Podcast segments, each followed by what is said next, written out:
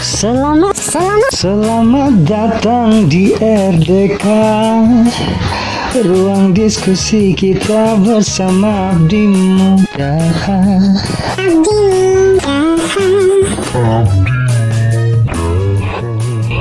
Halo, selamat datang di ruang diskusi kita sama Abdi Muda. Yeay. Nah, kan biasanya si Abang dan si None ya. Kali ini eh, ada si Kakak dan si Dede. Yelah. Yelah. Gue yang pasti ya. Saya Ban Bajai. Oh iya. Eh oh ini ada, ada siapa aja nih? Ada siapa aja nih yang di sini nih? Ini, ini Kenalan kebetulan dulu. siapa? sekarang Yang ngomong Nah, lah yang ngomong. kita. ah, Yang Siapa, paling siapa? senior lah duluan, yang paling senior. Waduh. eh, kalau dari masa kerja ini Karima. Harus bawa masa kerja. Ya, halo, gue Rima. Gue eh, saat ini kerja di Kemenko Marves, Kementerian Koordinator Bidang Maritim dan Investasi. Wih di Investasi. selanjutnya ada siapa tuh? Selanjutnya ada Eh, kenalin. siapa nih? Boleh ya. Mm-mm. Ya, Kemarin gua silakan, Wiki dari Kementerian Keuangan, tepatnya dari Direktorat Jenderal Pajak. Wow. Nah, kalau gue sendiri, gue Rifki. Dan skip aja langsung ya. Iya, enggak lah, enggak. Nggak, gue Rifki, gue di Kementerian Perhubungan. Oke. Oke. Nah kan eh, kemarin kan kita udah di episode kedua tuh kita udah ngomongin Aki ya, Hari Aki. Kekayaan Nah, Intelektual. Nah, kebetulan juga memang momennya kemarin tuh pas di tanggal 26 ya kalau nggak salah Tanggal ya. 26 Nah, April, benar-benar. Betul, betul. Nah, kira-kira kalau eh, di podcast episode 3, nah ini ini spesial nih episode 3 nih, karena nanti kita akan bikin series. Oke, Gitu. kita mau ngomongin apa misalnya Oke, Dwiki kita mau ngomongin apa di episode 3?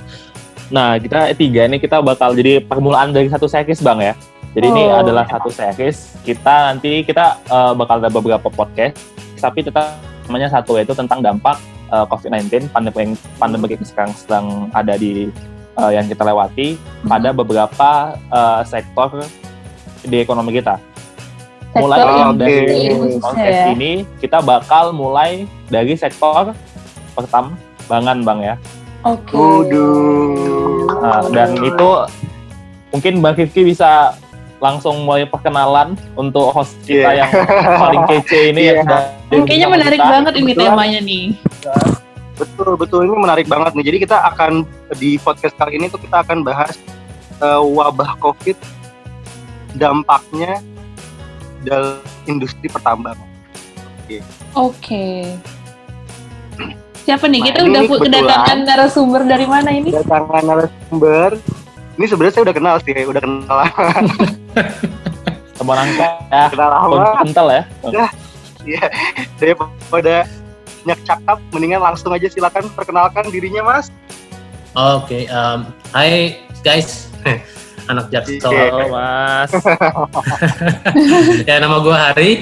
Um, gue Ah. saat ini kerja di salah satu perusahaan uh, multinasional. Hmm. Dia bergerak di bidang untuk uh, penambangan ya, penambangan dan fokusnya saat ini kita di penambangan batu bara. Oh, Kurang lebih sudah 9 tahun. Ya, jadi udah berakar lah di situ. Oh. lumayan lama ya Udah lumayan lah ya. Sembilan tahun tahun. Udah, Udah membatu ya, Mas? Udah membatu berakar segala macam istilah lah, sudah masuk aja, sudah. gitu. Mm-mm, benar-benar. jadi komoditas sudah Udah jadi komoditas nih. Oh, Udah jadi komoditas. Ya. Untuk sehari-hari lebih Ah. banyak di site ya, lebih banyak di site Ya. Hmm, orang lapangan banget lah. gitu. orang lapangan Jadi, banget. Sesuai warna kulit mana, ya. Mas?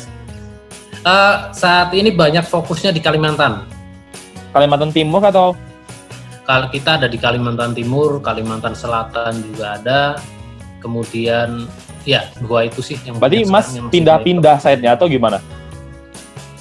Untuk sejauh ini baru dua kali pindah di Kalimantan Timur. Oke. Oh, Berarti- Kalimantan berarti tanggung jawab mas bukan terpaku cuma satu lokasi ya tapi pindah-pindah tempat sesuai kebutuhan gitu Ya, sesuai dengan Oh. apa surat keterangan kerja gitu ya. Dapat tanggung jawab kita ya sama lah ya, kurang lebih sama Sudah kita tanda ya. tangan kontrak kan ya. ya? Itu dia. Nah, itu dia. Jadi kalau kalau surat tes keluar mau nggak mau ya harus di Iya, sedikit menaati. lah orang bilangnya. Jadi Mas Ari, eh, Mas Hari gimana nih ceritanya eh, dampak dari COVID-19 terhadap industri pertambangan kita nih? Oke, em, kita flashback sedikit ya untuk di Hmm. industri pertambangan sendiri ya. Mm-mm. Uh, mulai dari awal kasusnya COVID di Desember ya, 2 Desember Mm-mm. 2019 di Wuhan. Kemudian setiap bulan kasusnya semakin menguat, berdampak ke negara-negara lain di sekitarnya. Mm-mm. Um, sampai Februari akhirnya ada himbauan dari WHO. betul Mm-mm. dari WHO sendiri Februari ya, Februari Februari benar. tanggal 11 tuh WHO men- menyatakan virus COVID-19 sebagai pa- pandemi gitu ya. Mm-mm. Dan Maret eh ini sudah masuk Indonesia tuh, ya kan? Sudah Mm. masuk Indonesia. Ya, Awalnya di Depok pertama. Nah, Depok itu dia, Benar banget. dekat rumah lagi, dekat rumah Iya. lagi. Itu. Aduh. Nah, eh, awalnya sekitar Desember, Januari, Februari itu belum punya dampak yang cukup signifikan lah ya di, di Mm-mm. di apa di perekonomian, di pertambangan dan mungkin di sektor bisnis yang lain. Tapi mulai Maret itu, itu sudah men- sudah terlihat tuh. Jadi Oke. gue inget banget di daily meeting operation kita waktu itu Ah, itu sudah ada notifikasi dari salah satu buyer di Cina bahwa mereka sudah ada niatan nih untuk mengurangi um, import batu bara dari tapi itu situasinya Indonesia. belum lockdown mas ya. Belum belum situasinya waktu itu masih Ah. masih bis- bisa dibilang bisnis as usual gitu ya normal aja Ah. semuanya Hmm. hanya saja memang sudah ada alert di situ bahwa beberapa buyer yang terutama yang basisnya di Cina mereka sudah akan melakukan pengurangan untuk impor batu bara. Nah, otomatis Hmm, dengan proses itu apa yang sudah direncanakan nih di 2020 dengan basis di 2019 akan berubah total dengan itu. Itu itu itu sudah mulai diantisipasi dan bulan itu kita baru mengantisipasi bahwa akan ada penurunan produksi saja Oke. belum sesignifikan bahwa nanti COVID itu akan benar-benar masuk kemudian dia akan berdampak termasuk ke para pekerja juga. Hmm. Hmm, oke. Penurunannya karena penurunan dari eh, apa namanya permintaan dari Cinanya ya. Betul, karena dengan dengan lockdownnya Wuhan kemudian Hmm. beberapa apa satu bulan kemudian secara signifikan dia menyebar gitu ya, otomatis dia akan mempengaruhi sektor-sektor bisnis yang lain. Ya, Mm. sektor bisnis yang lain yang dalam tanda kutip ada beberapa dari prosesnya sendiri membutuhkan batu bara sebagai sumber energinya gitu ya. Oke, ya, ya, ternyata ya. emang mas ya. dampaknya secara secara global besar sekali gitu. Jadi biasa untuk ya. sekarang sendiri ya betul. Mulai dari Maret kemudian Maret April ini April benar-benar sudah dampak nyatanya sudah terlihat nih bagaimana COVID-19 itu mempengaruhi di sektor pertambangan secara khusus. Ya, terlepas dari di sektor-sektor industri yang lain ya, tapi untuk di Hmm. pertambangan sendiri dampaknya sudah kelihatan nyata banget Contohnya baik gimana, secara Mas? ah yang yang paling jelas yang tadi saya sampaikan di Maret ada pengurangan produksi dan nyata ini sekarang produksinya otomatis turun jauh gitu ya. Sekitar berapa persen tuh, turun jauh karena memang kalau jadi sekarang kita, yang terjadi adalah basisnya kita melihat produksi per bulan jadinya Oh, mengikuti Oke. perkembangan Ah, kasus Oh, jadi Ya, targetnya perkembangan tuh kasus. disesuaikan per bulan gitu ya? iya Oke. biasanya kalau di pertambangan itu kan kita ada target jangka panjang jangka pendek ya per tiga bulan per satu tahun itu Mhm. ada nah saat ini kita harus bergerak per bulan karena kita mengikuti perkembangan kasusnya itu sendiri Mm-mm. terutama karena memang kalau kita lihat dari Badan Pusat Statistik 2019 itu Hmm. eh, ekspor batu bara itu produksinya 2019 itu sudah 15% lebih daripada yang ditargetkan. Nah, Hmm. ekspektasinya 2020 itu harusnya lebih juga. lebih lagi ya. Dan, dan betul, terutama untuk yang ekspor. Mm-mm. nah, Dan tujuan utama kita saat ini adalah ekspor batu bara itu ke Cina, India, dan Jepang yang memang menjadi salah satu industri lah ya saat ini ah, untuk global, negara-negara. pusat ekonominya global. Nah, Mm-mm. begitu mereka terdampak, ada lockdown dan lain-lain, otomatis demand untuk batu bara juga akan berkurang. Iya, signifikan banget itu turunnya ya. Domino. Heeh. Domino Signifikan banget. Mas, Iya. Mm. Mas ini mungkin pertanyaannya masih berhubungan ya, karena kan eh, kalau misalnya pastikan di situasi kayak, kayak sekarang tuh eh, penurunan produksi pasti ada kan, gitu kan. Iya. Nah ini berimbas juga kan ke income perusahaan. Sedangkan tuh kayak kemarin tuh banyak banget di kayak di eh, apa namanya berita-berita online Hmm. tuh di portal media online eh, pemerintah himbauannya untuk industri pertambangan nih jangan lakukan PHK gitu kan Iya, iya. itu gimana ini itu eh, Gimana nih? tanggapan perusahaan gitu. iya. Kayak di satu sisi dia harus mengikuti pemerintah, di satu sisi harus Betul. menyelamatkan Nah, income. ada ada beberapa hal menarik di situ ya. Mm-mm. Ada hal Ah. menarik di situ. Eh, kalau kita bicara masa pertambangan, pertambangan itu kita kenal sebagai satu usaha yang dia basisnya adalah em, padat karya dan padat modal ya, modalnya Betul, besar iya. dan Betul. orang-orangnya juga banyak gitu Banyak kan. banget. ah. Nah, betul. Dan balik lagi sebenarnya ke tujuan tujuan bisnis adalah nggak ada tujuan sosial ya. Tuju- Hmm. Ada ada ada organisasi Profit, sosial, ada organisasi yang bisnis pasti ujung-ujungnya akan akan ke profit. Mm. Bagaimana kita Iya. bisa bisa me- bukan lagi kondisinya sekarang bukan memaksimalkan ya, tapi hanya bagaimana mengefisiensikan operasional kita dengan sumber daya yang ada gitu ya Oke. otomatis hal tersebut walaupun himbauan dari pemerintah muncul em, kalau kita melihat lagi konteks dalam konteks bisnis ada beberapa kebijakan-kebijakan yang pastinya akan diambil oleh perusahaan yang bisa jadi tidak terlalu menyenangkan untuk karyawan atau, Hmm. atau bagi perusahaan itu sendiri tapi itu harus diambil salah satunya adalah eh, pengurangan karyawan gitu kan Oke. Ibaratnya ini udah win-win solution lah ya. Ya, eh sebenarnya dibilang win-win nggak juga karena artinya lose lose and lose aja gitu.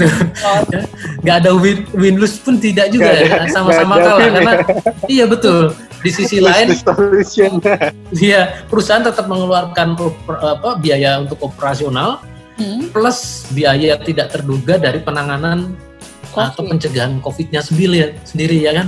Jadi ada double cost di situ yang harus Ya. dikeluarkan oleh perusahaan. Berarti Um, ibarat ini kalau kita pribadi nih uang tabungan kita jadi kepake gitu ya. Nah itu dia kita udah udah udah nabung mau beli apa mau coba nikah gitu ya. Nah ternyata ada kondisi yang force major kayak gini ya mau nggak mau akhirnya kepake gitu kan.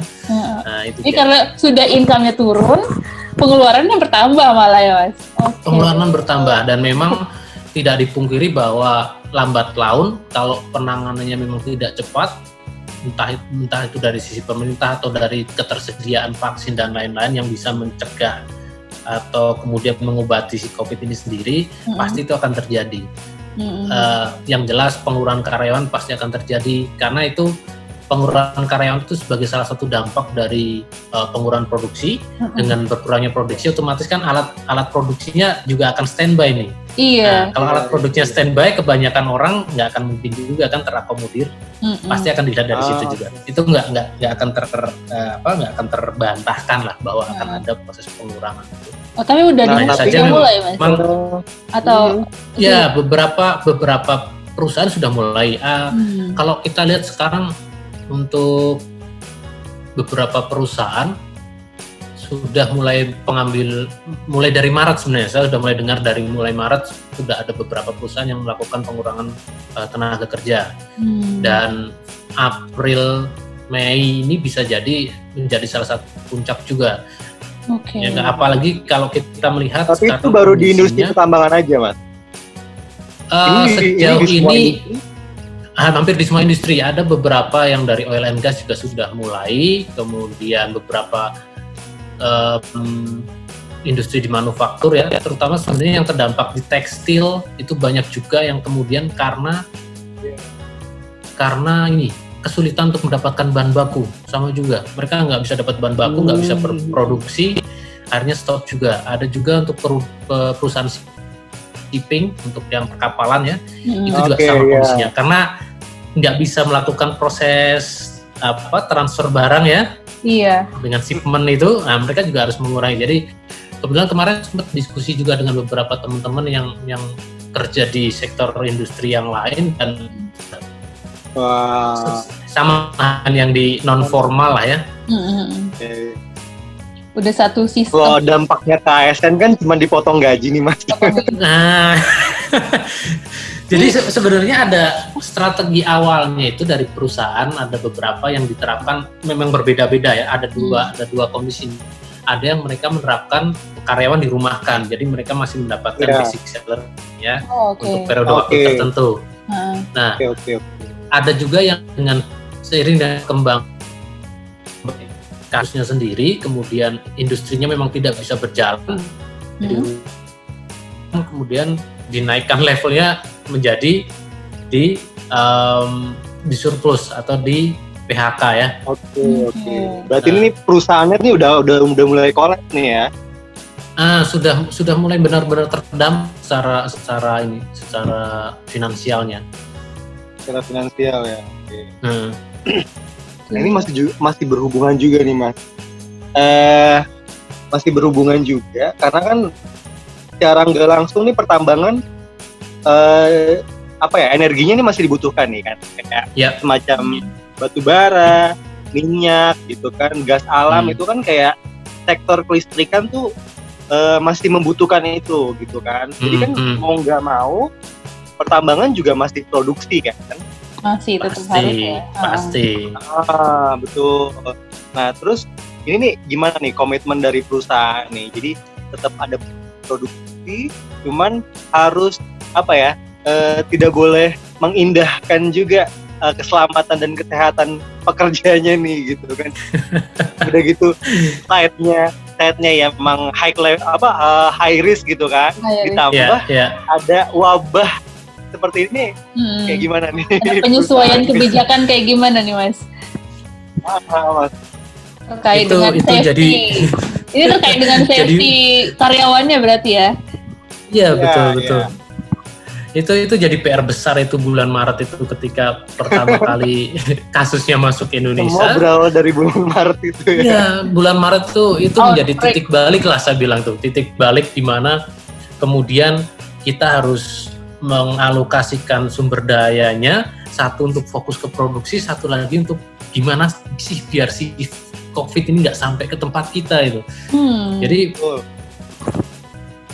sumber dayanya benar-benar akhirnya terpecah yang tadi saya bilang itu unplanned banget ya. Ada satu yang ngurusin produksi, ada satu lagi yang ngurusin masalah COVID dan sejauh ini beberapa kali juga saya diskusi dengan eh, teman-teman di perusahaan lain gitu ya, yang sama-sama pertambangan. Ada yang memang sudah mengambil langkah serius dari awal. Itu Mhm. begitu kasus pertama diumumkan di Indonesia, semua langkah pencegahan yang kemudian keluar sebagai sebagai protokol dari pemerintah itu sudah langsung dijalankan. Ada juga yang masih masih masih santai lah ya, masih santai nunggu nunggu benar-benar iya santuy banget gitu. Santuy. Nunggu pemerintah mengeluarkan mengeluarkan suratnya baru dia gerak gitu. Nunggu surat Tapi edaran dulu dari itu ya. semua, hmm, betul. Jadi memang Baru pencegahan. betul. April ini baru terasa benar memang.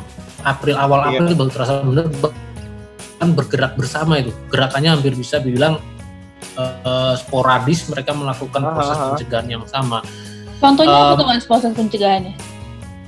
Jadi kalau secara umum sebenarnya protokol dari pemerintah, pemerintah itu menjadi menjadi panduan ya, menjadi Ah. baseline mulai dari dua ada dua ada dua hal utama yang pertama adalah pencegahan, yang kedua adalah penanganan. Kalau dari Hmm. pencegahan sendiri adalah Oke, yang biasa dilakukan mulai dari personal hygiene gitu kan, Ya. kemudian Ah, pengukuran suhu tubuh, pengukuran suhu tubuh, pemeriksaan untuk orang yang em, bepergian, eh, disinfektan dan lain-lain lah ya. Itu itu Hmm. protokol umum yang ada seperti Protokol itu. umum lah ya, itu Ya, dilakukan di mana-mana. social distancing Hmm. itu itu sudah menjadi protokol umum. Kemudian dari sisi penanganan sendiri, protokol dari pemerintah juga sebenarnya dari dua hal itu semuanya mengacu ke pemerintah untuk penanganannya sendiri terkait ketika kita ada orang yang dalam traveling gitu ya bepergian ataupun orang tanpa gejala gitu kalau disebutnya di pemerintah kemudian ada ODP PDP bagaimana setiap setiap status personil itu kemudian ditangani gitu Mm-mm. itu mengikuti pada dasarnya mengikuti semua protokol pemerintah hanya saja untuk Oke. setiap perusahaan memang ditambang pun sendiri Hmm. eh, komitmen dari manajemen memang menentukan nih seberapa besar sih effort yang dilakukan di di uh, bulan-bulan awal, terutama Maret dan April itu, terutama di area pencegahan, Hmm, iya. di area pencegahan. Karena begitu begitu booming, kalau teman-teman ingat di bulan Maret tuh cari masker sama hand sanitizer itu luar biasa susah ya. Banget, Aduh, iya. susah banget, Mas. Semua orang Sampai saat buying- ini. Panic buying gitu ya. Iya, panic Iya, buying iya, bahkan betul. bahkan mau bahkan mau beli sampo aja itu sampo So, buat rambut aja susah minta ampun apalagi bahan-bahan yang memang Betul, dibutuhkan betul. kayak Makanya Iya. Sanitizer dan- ini luar biasa sih dampaknya. mm-mm. madu aja jadi langka ya. madu jadi langka gitu. Iya. Kebahagiaan Yang susah ada dibeli. racun gitu.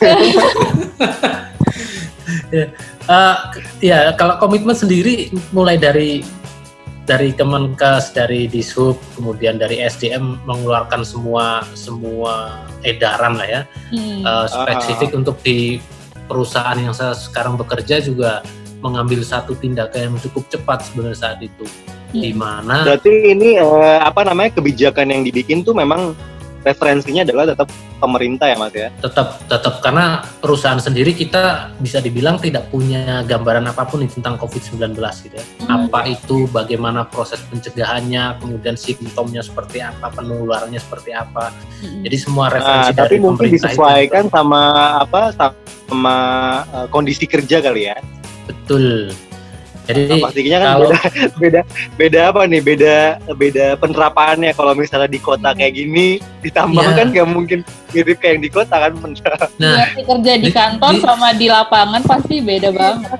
beda Betul. banget gitu kan. kayak kayak ini sesimpel social distancing aja ya. Social distancing Ah, kalau ah, di tambang itu gimana tuh Mas kalau teman-teman, ditambah nah, gitu? teman-teman itu mereka pakai satu bis untuk keluar apa pergi dan keluar dari area tambang gitu ya. Dan Iya, heeh. Bis itu kan nggak kayak bis umum yang kita bisa tiba-tiba datangkan begitu saja gitu ya. Heeh, ada jadwalnya Nah. gitu ya, Mas.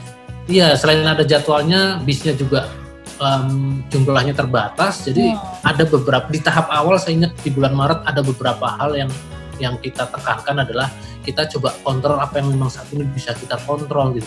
Hmm. Jadi social distancing kalau kita bilang bis untuk keluar masuk saat itu belum bisa kita kontrol penuh, ya sudah mau nggak mau kita memang harus masih menggunakan eh, ritme yang ada gitu. Jadi Mm-mm. semua orang masih duduk bersampingan ya, Oke. tapi kita kontrol dari sisi yang lain apa yang memang saat itu bisa kita kontrol. Mm-mm. Nah, Yang menarik dari pertambangan sebenarnya saya balik lompat lagi ke belakang. Secara umum pertambangan itu kalau dari sisi demografinya kan ada dua nih, ada pertambangan yang Hmm. dia memang lokasinya terisolir nih. Betul. Jadi semua orang tinggal di, di, di fasilitas yang sudah disediakan sama perusahaan. Iya, tinggalnya di mes gitu ya, Mas. Nah, di mes Hmm. ada perusahaan yang dia dekat dengan kota di mana karyawannya ada sebagian tinggal di mes, Mm-mm. sebagian besar tinggal di luar. Hmm. Nah, Hmm. Kalau itu masih bisa kebijakannya ya. sudah kebijakan ya masih bisa, tapi kebijakannya akan akan akan lebih mudah untuk untuk yang area perusahaan Yang yang, lebih dekat dia ke kota. Terisolir. Oh, yang lebih terisolir justru. terisolir karena mereka ya mereka kontrol mereka ya kan? Oke, mereka tinggal di camp nggak bisa gitu ya, ke mana-mana ya, betul itu akan lebih mudah contohnya kayak di Papua ada salah satu perusahaan minyak di sana ya Mm-mm. itu Oke, nah ini aku orang tambang orangnya emas. tinggal. Ada juga tambang emas di sana yang mereka juga ter- eh, terisolir gitu, bukan terisolir dalam konteks eh, dari sisi komunikasi dan lain-lain, tapi memang areanya benar-benar di area kerjanya ya. area kerjanya orang harus tinggal di camp semua itu akan lebih mudah ya untuk mengontrol. iya. Nah, yang menjadi Jadi, tantangan kalau- besar adalah Hmm, Kalau Kalau- dia Kalau dia tuh ada yang keluar masuk ya, Mas. Jadi kita tidak nah bisa kontrol eh, apa namanya? papa apa orang yang mungkin terkena paparan virus di luar sana ya. Jadinya membawa ke dalam Betul. area tambang. agak susah ya. itu itu itu itu jadi tantangan tantangan yang memang luar biasa untuk terutama tambang yang mengizinkan teman-teman atau karyawannya tinggal di luar Mm-mm. karena ya Nah, tadi kalau bisa Mas bilang sendiri, Hmm? karyawannya banyak yang eh, kondisinya seperti apa nih? Eh, yang, Yang terisolasi atau yang tinggalnya campuran? Kebetulan yang campuran jadi memang ekstra Wah, memang itu kemarin. Sampai sekarang pun setiap isunya masih ada gitu. Jadi Jadi Eh, itu timnya harus banyak ya mas. kita kita sebenarnya nggak bentuk tim nggak bentuk tim terlalu banyak juga. Jadi Ah. setiap perwakilan departemen eh, kita us- ambil dari beberapa key, key departemen ya mulai yang dia dari logistiknya kemudian dari sarana prasarana oke oke. dari operation dari HR jadi masing-masing departemen kita ambil Oh ini seperti Ya. seperti tugas lah ya. nah tugas itu dia. versi Iya. kecil gitu. versi versi perusahaan gitu kan Atau Mas Hari tugas gitu versi kan. perusahaan. Nah itu itu lebih luar biasa lagi karena yang tadi saya bilang bahwa mudah untuk kita ngontrol orang-orang yang tinggal di camp karena mereka Mhm. benar-benar di bawah pengawasan kita. Tapi untuk teman-teman yang tinggal di luar, ketika off mereka bisa ke mana saja tuh berinteraksi Mhm. dengan Ya siapa itu sih yang saja, ya kan? sulit ya. Mm-mm. berinteraksi dengan siapa saja, pergi ke mana saja, pegang apa pun, gitu kan? Nah, memang Nah, itu prosesnya yang- bertahap itu. itu luar biasa itu. Yang biasa. agak PR kalau misalnya dia ternyata kena apa ya eh, kena positif gitu kan. Ah, jangan kan, Kronologi, jangan kan kronologinya harus kita benar-benar betul. Mm-mm. jangan kan positif gitu ya dia dia masuk ke dalam ODP saja orang dalam pemantauan itu itu sudah alert buat perusahaan kita Oh, sudah iya. harus tracking nih Iya. dia selama selama 14 hari itu naik bis yang mana dia berinteraksi dengan siapa saja ya. itu kan PR berat banget tuh Iya. tracking itu. Mas orang tapi satu-satu. sejauh ini sejauh ini sudah ada yang ini, udah ada yang ODP, PDP atau confirm COVID-19? Ka- Alhamdulillah kalau di po- di posisi PDP belum ada jangan sampai ada lah ya Tapi kalau ODP sudah ada beberapa karena memang kalau kita lihat simptomnya si COVID ini kan mirip-mirip kayak common flu ya. Iya. Ada demam, ada flu, ada batuk. kan. Ah, Jadi- ah. Itu salah satu protokol di area penanganan di tempat kita sendiri. Begitu orang ada simptom seperti itu, otomatis dia akan langsung ke langsung Isolasi ya? Langsung diisolasi, Oke, langsung. langsung diisolasi. Tapi tetap kembali lagi protokol pemerintah yang menyatakan bahwa orang itu statusnya pasti ODP atau PDP gitu ya. Nah, di eh, mas terdekat atau Oke, fasilitas berarti, perusahaan yang eh, memang ini ya, ditunjuk di- pemerintah. mm-mm. Ah, dilakukan pemeriksaan penunjang ya, misalnya kayak rapid test gitu ya atau Betul, betul. test. Betul. Jadi Ah. nanti dari dari instansi Mas terus gini nih, eh, tadi kan kita kebanyakan ngomongin kerugian, kerugian, kerugian gitu kan. Nah, nah. Pasti iya kan- benar-benar.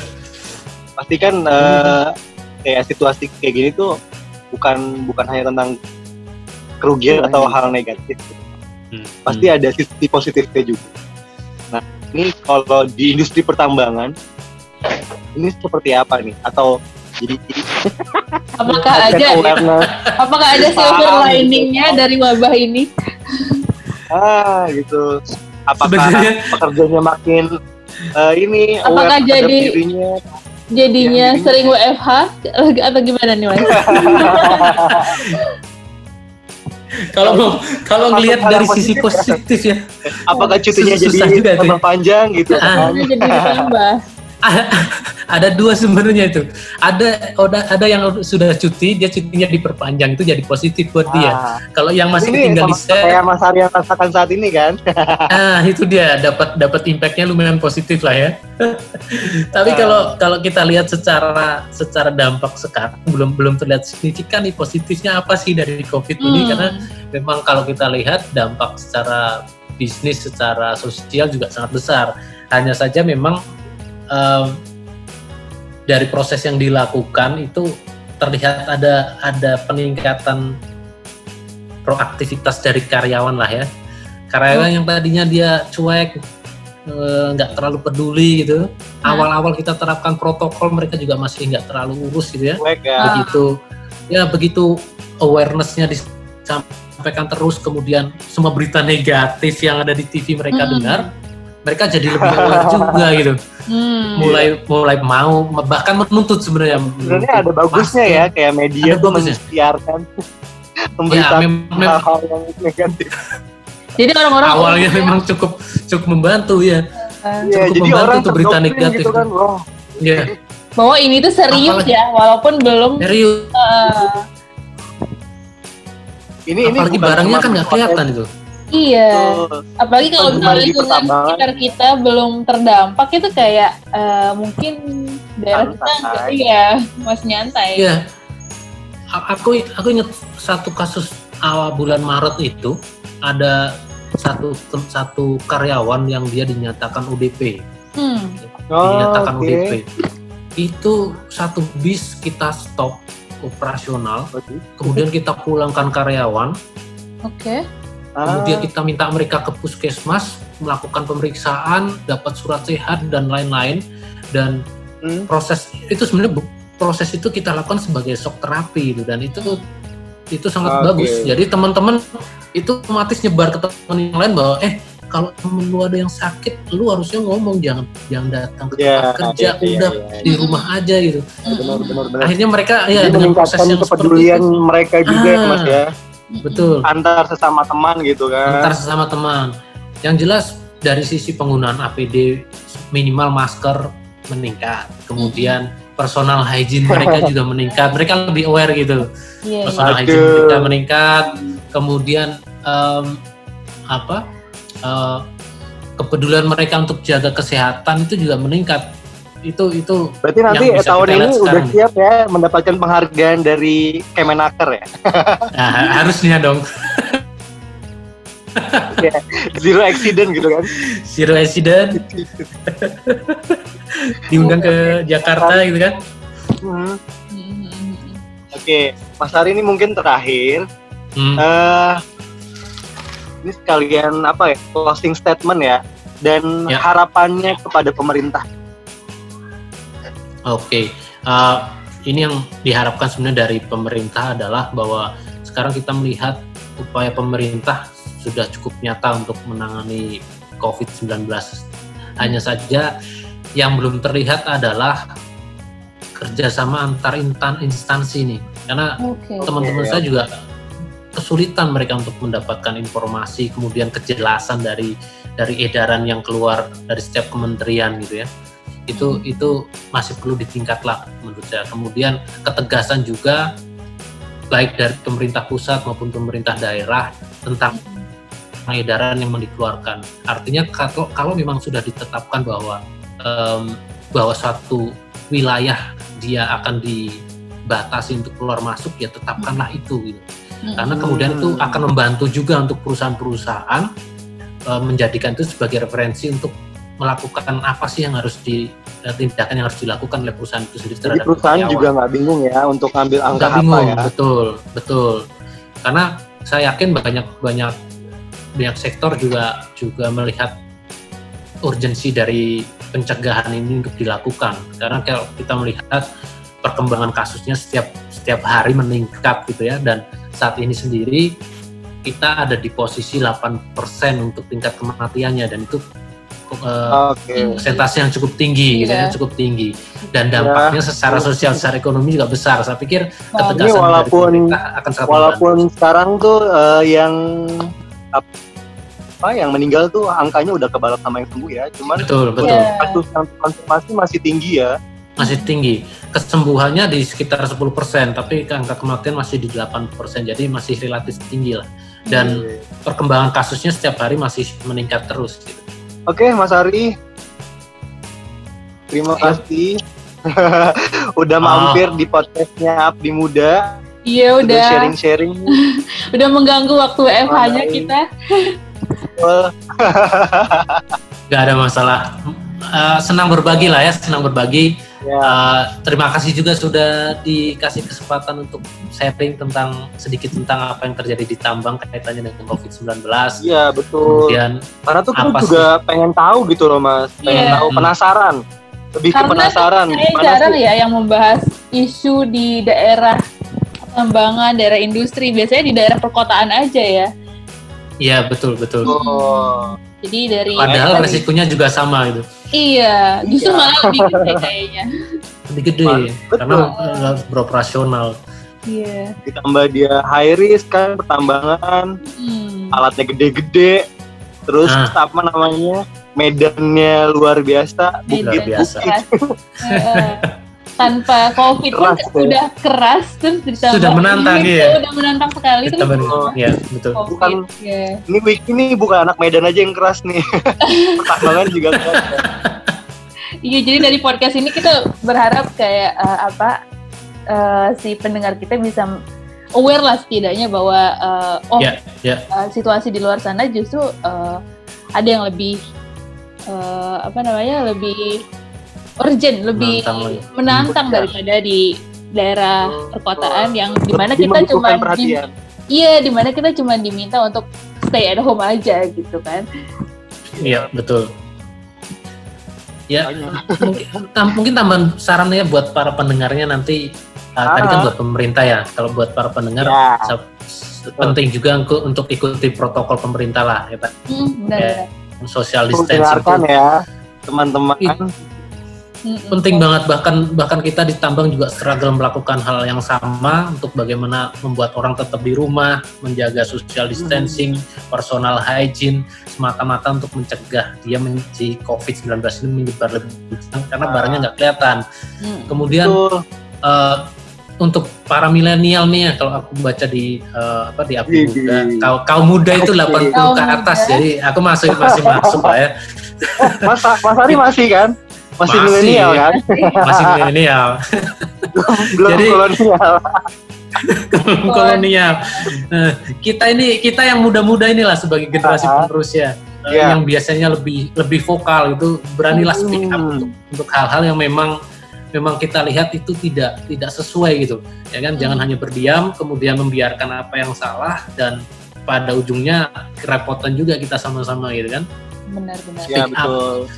Terus yang ketiga adalah sebarkan energi positif. Ya. Oh, Oke, benar banget ini.